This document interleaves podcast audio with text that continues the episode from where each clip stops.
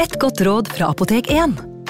Nå er snart pollensesongen i gang, og et godt råd til deg som sliter med pollenallergi, er å begynne behandlingen i god tid før allergisesongen starter. Da får du nemlig enda bedre effekt av legemidlene, og så blir ikke våren din helt ødelagt. Kom innom og få råd på ditt nærmeste Apotek 1, eller chat med oss på apotek1.no. Apotek 1 vår kunnskap, din trygghet. Kom og spis! Kjøkkensjefen har middagen ferdig. Vi kommer! Vi skal bare Åh, det er da så morsomt her på Stiklestad! Ja, men sjøl en god viking må ha både mat og hvile. Og dessuten kan dere nå være noen dager. Velkommen til Scandic Stiklestad. Moderne fasiliteter i historiske omgivelser. Det var her det skjedde. Det er her det skjer.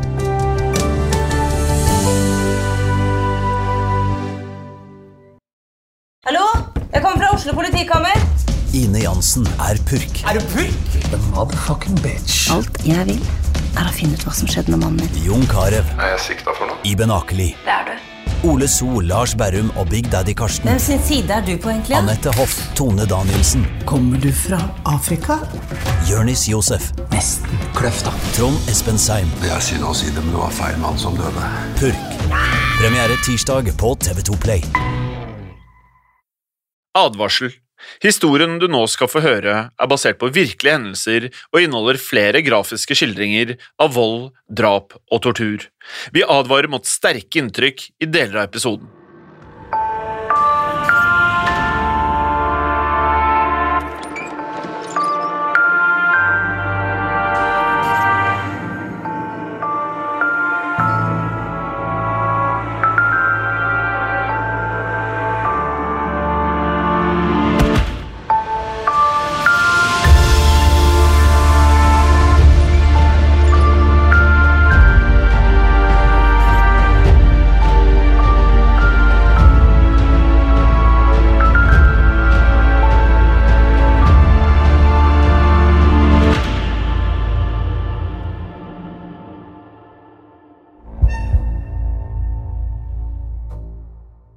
Harvey Miguel Robinsons trøblete liv begynte i virkeligheten lenge før han i det hele tatt ble født. Harveys far, Harvey senior, virket relativt normal for en utenforstående. I 1962 arbeidet han som profesjonell musiker, var gift og hadde flere barn. Han bodde med familien sin i Pennsylvania og så ut til å leve et vanlig familieliv, men i virkeligheten hadde han en hemmelighet. Harvey senior hadde nemlig en elskerinne ved navn Marlene Perez. De to møttes i all hemmelighet, borte fra nysgjerrige blikk, og så ut til å ha et brennende hett forhold.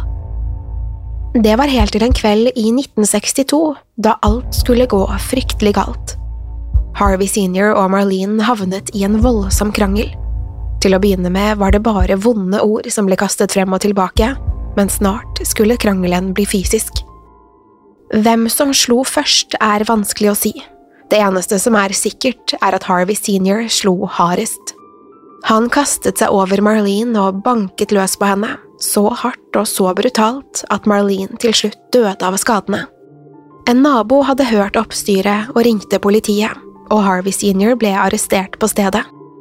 I rettssaken et år senere ble han siktet for overlagt drap, men ble til slutt dømt for legemsbeskadigelse med døden til følge. Noen år senere, da Harvey senior var blitt løslatt, møtte han 27 år gamle Barbara Brown.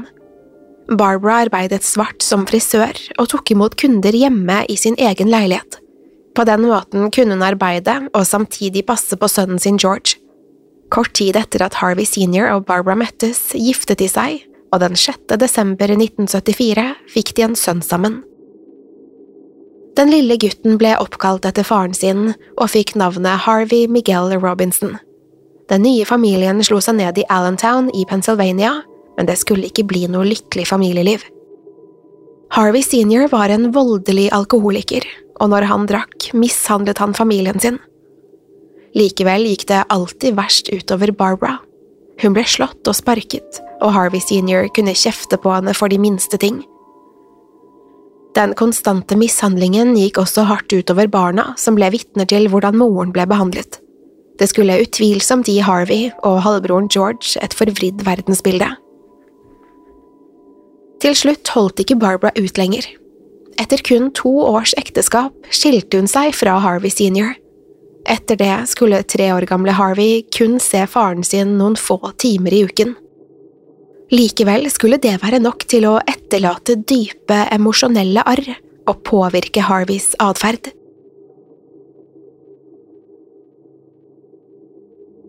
Harvey møtte faren sin bare noen timer av gangen. Men hver gang de traff hverandre, så var det likevel noe som skjedde med Harvey. For da han kom hjem til moren, fikk han voldsomme raserianfall. Men det var ikke kun faren som hadde dårlig innflytelse på Harvey. Halvbroren hans, George, var bare tolv år gammel da han ble arrestert for tyveri. Harvey så hvordan faren og halvbroren oppførte seg, og bestemte seg for å følge i deres fotspor. Da Harvey gikk i første klasse, gikk han til angrep på en klassekamerat. Dette gjentok seg flere ganger, og til slutt ble Harvey plassert i en spesialklasse. Dette var kun starten. Harvey ble nemlig arrestert allerede som niåring. Dette skulle bli den første av mange arrestasjoner. Over de neste åtte årene ble han arrestert hele tolv ganger, blant annet for tyveri, hærverk, men også for innbrudd. Da Harvey var 14 år gammel, ble han rammet av en ny tragedie. Faren hans fikk alvorlig leversvikt og døde kort tid senere. Etter faren sitt dødsfall begynte Harvey å drikke. Han ble etter hvert også aggressiv, noe som førte til at lærerne på skolen hans følte seg utrygge. En av lærerne til Harvey var gravid og følte at han stadig ble mer truende. Til slutt så nektet hun å være alene i klasserommet. Derfor hyret skolen inn en assistent som skulle passe på Harvey. Dette hadde likevel ingen effekt, og Harvey gikk flere ganger til angrep på assistenten. Til tross for all den voldelige oppførselen gjorde Harvey det svært godt i gym. Han var både raskere og sterkere enn de andre elevene, og var en dyktig bryter. Harvey sin mor var også imponert over sønnens fysiske prestasjoner. Han ble derfor belønnet med at hun kjøpte en ny sportsbil til han. Både moren og lærerne håpet nå at Harvey skulle satse på idretten. Den nye bilen ga Harvey langt mer selvtillit. Snart hadde han både kjæreste og nye venner. Noe som ikke forandret seg, var at Harvey fortsatte å havne i trøbbel. Dette skulle kun gjøre han mer populær blant vennene. De fleste tenkte at han bare måtte få utløp for all aggresjonen. Ingen forsto at dette kun var begynnelsen på noe langt verre.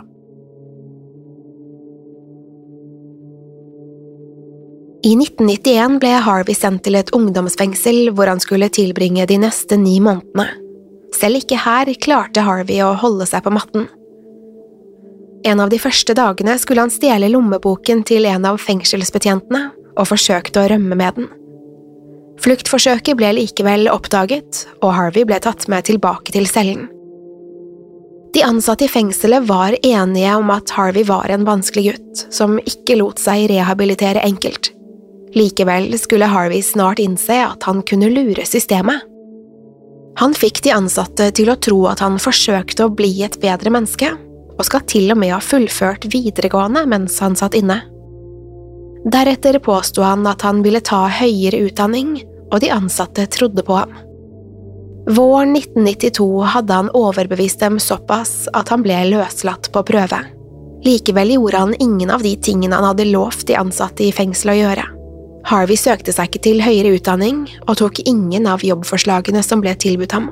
I stedet tilbrakte han dagene på den lokale basketballbanen, hvor han drakk og røykte marihuana med vennene sine. Fra utsiden virket Harvey som en godt tilpasset, snill gutt, men inni ham lurte mørke tanker.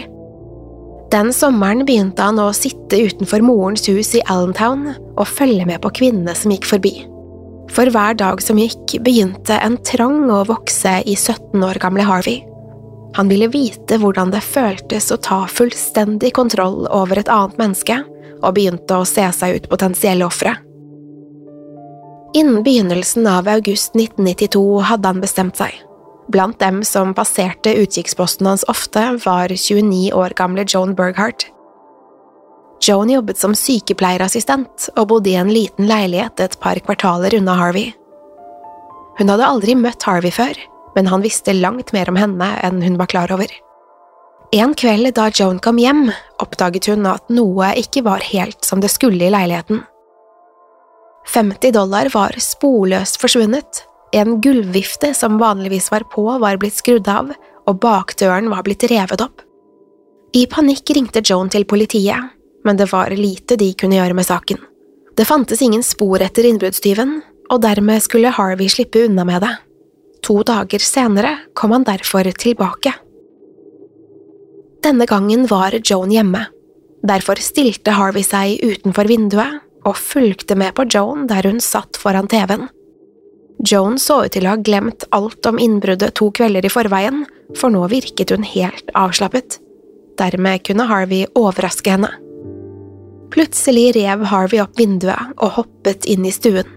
Joan spratt opp for å møte angriperen sin, men det var allerede for sent. Harvey hadde tatt med seg en jernstang utenfra, og før Joan rakk å reagere, slo han den alt han kunne i hodet hennes. Slaget fikk Joan til å svaie. Blodet rant fra hodet hennes mens hun snublet inn i et annet rom. Der hamret hun i veggen som hun delte med en nabo, men Harvey hadde allerede rukket å skru opp lyden på TV-en i stuen. Dermed ble Jones desperate rop om hjelp overdøvet av støyet. Nå hadde Harvey Joan helt for seg selv. Han kastet seg over henne igjen og hamret løs på henne med jernstangen. Hele 37 ganger traff det harde metallet Jones kropp. Da 29-åringen ikke rørte seg lenger, misbrukte Harvey henne seksuelt. Så snart han hadde gjort seg ferdig, løftet han jernstangen igjen og ga Joan nådestøtet. Harvey stirret ned på Joan, som lå ihjelslått på stuegulvet. Så tørket han bort fingeravtrykkene sine fra jernstangen og forsvant ut gjennom det samme vinduet han hadde kommet inn gjennom. Igjen lå Jones maltrakterte lik i en dam av hennes eget blod.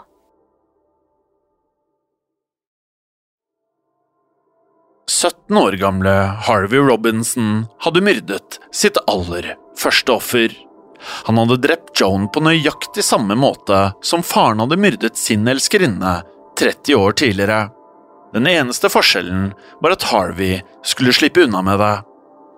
Dagen etter det brutale drapet spilte Harvey basketball med vennene sine, og det var ingen som mistenkte hva som hadde skjedd. Det var likevel flere som la merke til at Joan var borte. Derfor så ringte nabo til politiet og ba dem undersøke leiligheten hennes. Da politiet tok seg inn i Jones sin leilighet, fant de henne ihjelslått på stuegulvet. De fant også rester av kroppsvæske på Jones sine klær. Men politiet fant ingen match med noen i deres databaser, og innen en uke ga politiet opp jakten. Drapet på Joan forble derfor et mysterium. I mellomtiden så fortsatte Harvey å leve som normalt. Seks uker senere ble han arrestert for tyveri.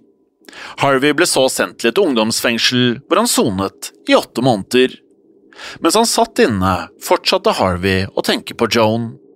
Han lurte særlig på hva han kunne ha gjort annerledes. Harvey fylte omsider 18 år før han slapp ut igjen.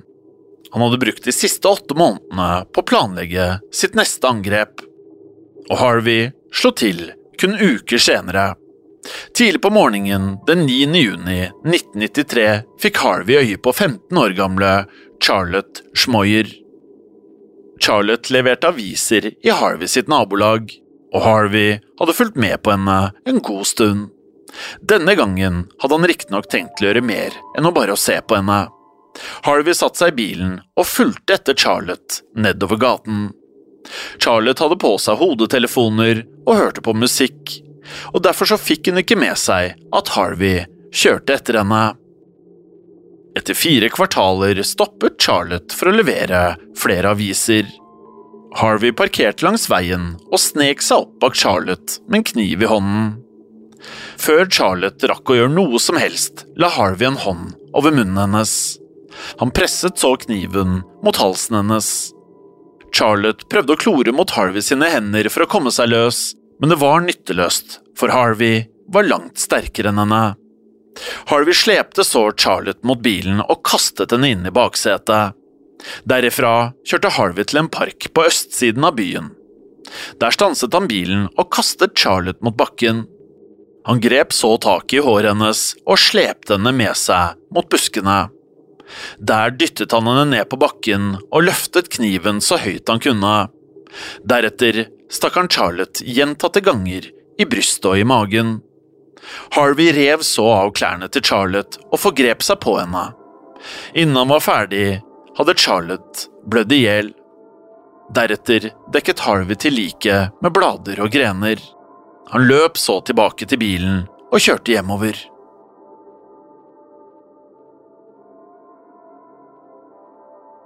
Innen to timer var gått, hadde folk begynt å innse at Charlotte var borte. Politiet ble koblet inn, og det ble funnet en rekke tegn på at noe fryktelig hadde skjedd 15-åringen. En av Charlottes sko ble funnet i veien, sammen med avistrallen og walkmanen hennes. Derfra skulle det ikke ta lang tid før liket hennes ble funnet. Charlotte var så brutalt banket opp og knivstukket at ingen riktig kunne tro det var sant. Noen av sparkene hun var blitt utsatt for, var så voldsomme at avtrykket av en sko var synlig på kinnet hennes. På grunn av likhetene mellom drapene på Charlotte og Joan vurderte politiet muligheten for at de var blitt myrdet av samme gjerningsmann. Likevel klarte de ikke å finne en passende mistenkt i arkivene sine. DNA-teknologien var fremdeles under utvikling, og tester kunne ta flere måneder å få tilbake.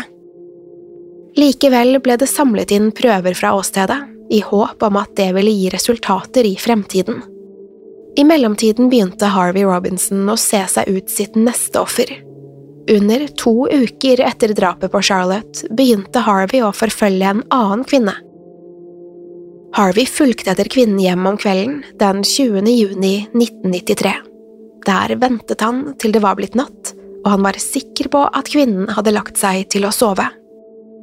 Det var en varm natt, så vinduene i huset sto på vidt gap, og det bestemte Harvey seg for å utnytte.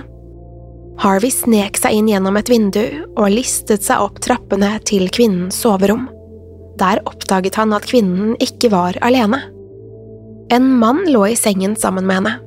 Harvey var irritert og vurderte å flykte, men i stedet tok han en runde rundt i huset for å se om det var noe han kunne stjele. Harvey fortsatte gjennom huset og kom over et soverom hvor kvinnens fem år gamle datter lå og sov. Harvey hadde allerede bestemt seg før han brøt seg inn i huset den kvelden. Noen skulle dø. Derfor kastet han seg over den lille jenta han pakket hendene rundt halsen hennes og klemte til mens han forgrep seg på henne. Jenta mistet bevisstheten på kun noen få sekunder. Deretter bar han den slappe kroppen inn på vaskerommet og etterlot henne der. På mirakuløst vis skulle femåringen overleve angrepet. Hun vekket moren, som straks tilkalte politiet. Likevel skulle det ikke bli funnet noen spor som kunne avsløre Harvey. Nå begynte panikken å bre seg i Allentown. Det var tydelig at noen blant dem var en morder og en overgriper som ikke gikk av veien for noe. Han hadde angrepet kvinner og jenter i alle aldre, og så ikke ut til å stoppe før han ble tatt. Der skulle folk i Allentown få rett, for kun åtte dager etter angrepet på femåringen slo Harvey til igjen. Denne gangen hadde han pekt seg ut 37 år gamle Denise Hamcally. Denise lå alene i sengen sin natt til 28. juni da hun plutselig våknet av en lyd utenfor soveromsdøren. Hun reiste seg og kikket ut gjennom døren, men der var det ingen. Derfor fortsatte hun ut i gangen. Sikker på at noe var fryktelig galt, bestemte Denise seg for å spørre om hun fikk overnatte hos naboene sine, men før hun rakk å gjøre noe som helst, åpnet døren til et bøttekott seg bak henne. Denise spant rundt og fikk øye på en mørk skikkelse som kom mot henne i en voldsom fart. Det var Harvey Robinson. Harvey svingte en kniv mot henne, men den bommet med noen millimeter. Det ga Denise tid til å spurte ut døren og ut i hagen. Harvey var likevel på vei etter henne og kastet seg over henne. Han la henne i bakken og pakket hendene om halsen hennes. Der slo og kvalte han Denise mens han forgrep seg på henne. Akkurat idet Denise mistet bevisstheten, var det en nabo som hadde hørt oppstyret. Han var kommet ut med en lommelykt og lyste den rett mot Harvey og Denise. Det skremte Harvey, som slapp tak i Denise og flyktet fra åstedet.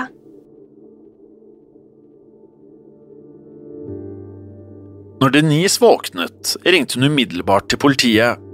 Hun hadde sluppet unna med livet i behold, og nå kunne hun gi en beskrivelse av angriperen. Ifølge Denise var han ung, hvit og også muskuløs, og beskrivelsen ble politiets viktigste spor. Nå gjaldt det å finne gjerningsmannen før han slo til igjen.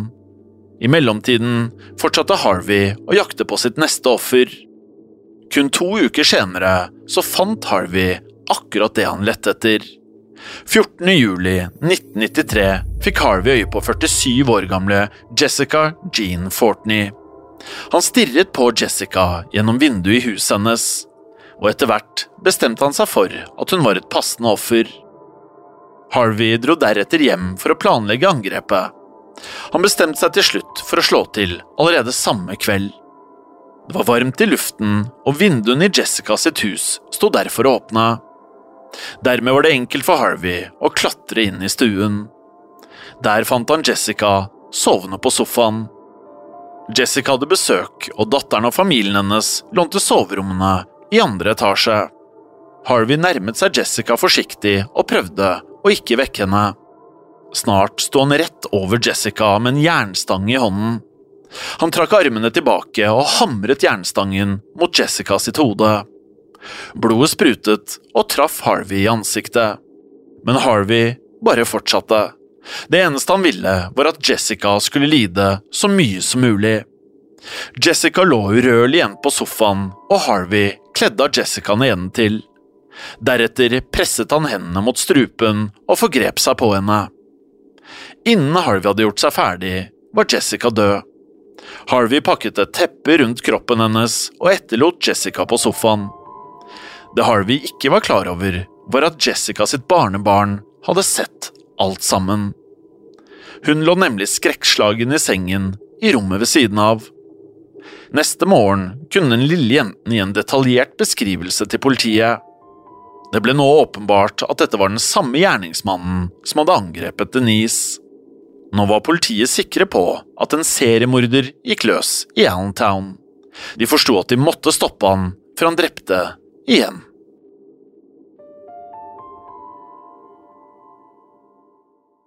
Blant dem som var sikre på at den ukjente seriemorderen ville komme tilbake, var Denise M. Cally. Hun hadde overlevd det første angrepet, og nå fryktet hun at morderen ville komme tilbake for å fullføre jobben. Det skulle hun få rett i. Om kvelden den 18. juli lå Denise i sengen da hun hørte merkelige lyder fra bakdøren, etterfulgt av et voldsomt brak fra knust glass. Et vindu var blitt knust, og det satte i gang alarmen i huset.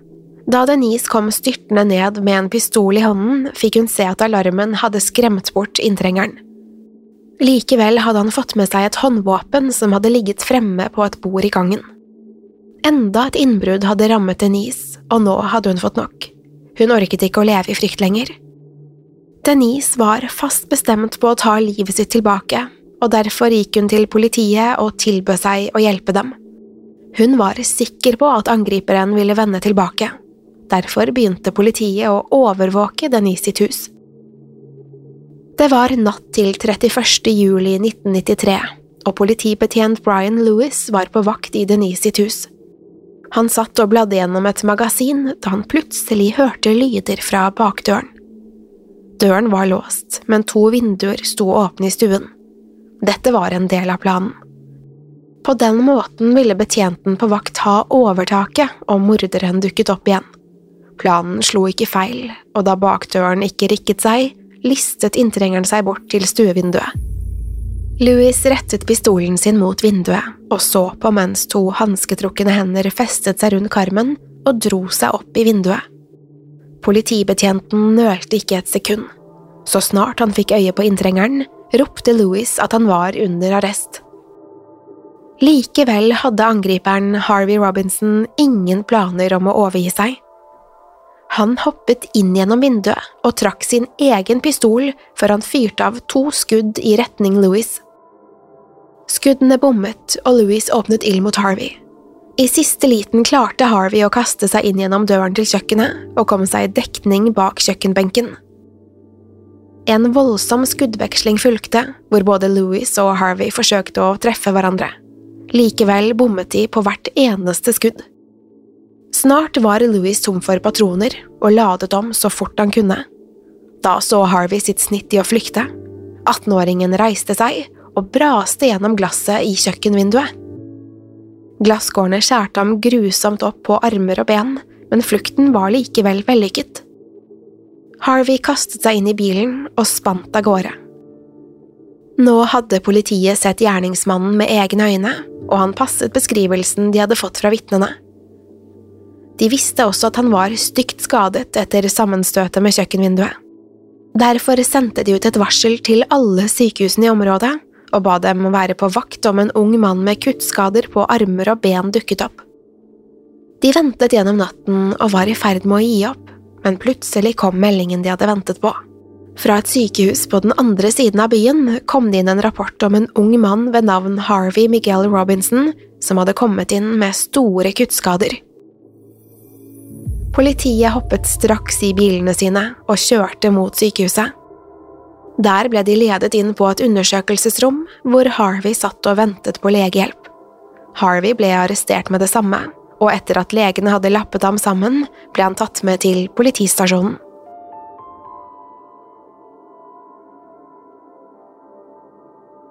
Harvey Robinson var endelig i politiets varetekt, og Denise kunne identifisere han som mannen som hadde prøvd å drepe henne. Dermed ble Harvey siktet for både voldtekt, grov vold og drapsforsøk. Harvey ble også DNA-testet for å sammenligne med funnene fra de andre åstedene. I desember 1993, kort tid etter at Harvey fylte 19 år, kom testene tilbake. Harvey sitt DNA kunne kobles til drapene på Joan Burghardt, Charlotte Schmoyer og Jessica Fortney. Rettssaken mot Harvey begynte i oktober 1994. Han skulle til slutt bli funnet skyldig i tre drap. Han ble også dømt for flere overfall, voldtekter og innbrudd. Da rettssaken var over, var verken dommer eller jury i tvil. Harvey Robinson ble dømt til døden. Da dommen ble lest opp, satt Harvey helt rolig. Han sa ikke et eneste ord og viste ingen følelser. Harvey Robinson sitter fremdeles fengslet i påvente av at dødsdommen skal fullbyrdes.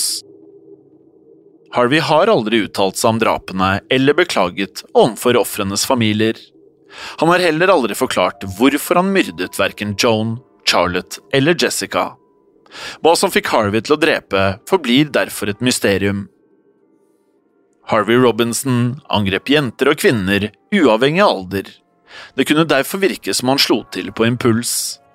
Harvey forblir en av de yngste seriemorderne i amerikansk historie, men blir samtidig regnet som en av de aller mest brutale. Vi skriver Harvey Miguel Robinson i noe bok av syndere.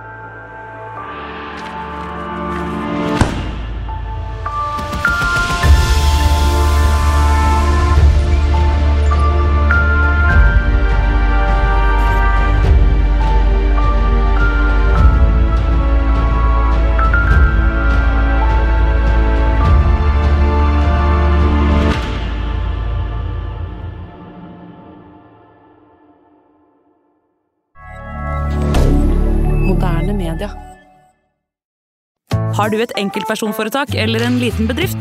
Da er du sikkert lei av å høre meg snakke om hvor enkelt det er med kvitteringer og bilag i fiken, så vi eh, gir oss her, vi. Fordi vi liker enkelt. Fiken superenkelt regnskap. Kiwi er billigst i VGs matbørs og har vært billigst i fire av de fem siste VGs matbørser. Og nå presser vi prisene på frukt og grønnsaker. På 200 gram broccolini setter vi prisen til 24,90. På 400 gram Cevita blåbær setter vi prisen til 49,90. Og husk, alle Kiwi Pluss-kunder får i tillegg 15% trumfbonus på all fersk frukt og grønt. For det er vi som er prispresserne. Og vi i Kiwi gir oss aldri på pris.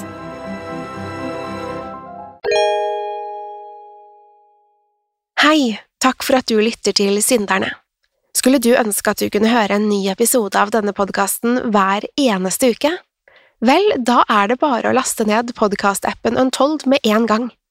I tillegg til ukentlige episoder av podkaster som Skrekkpodden, True Crime-podden og Henrettelsespodden, får du masse annet reklamefritt og eksklusivt innhold.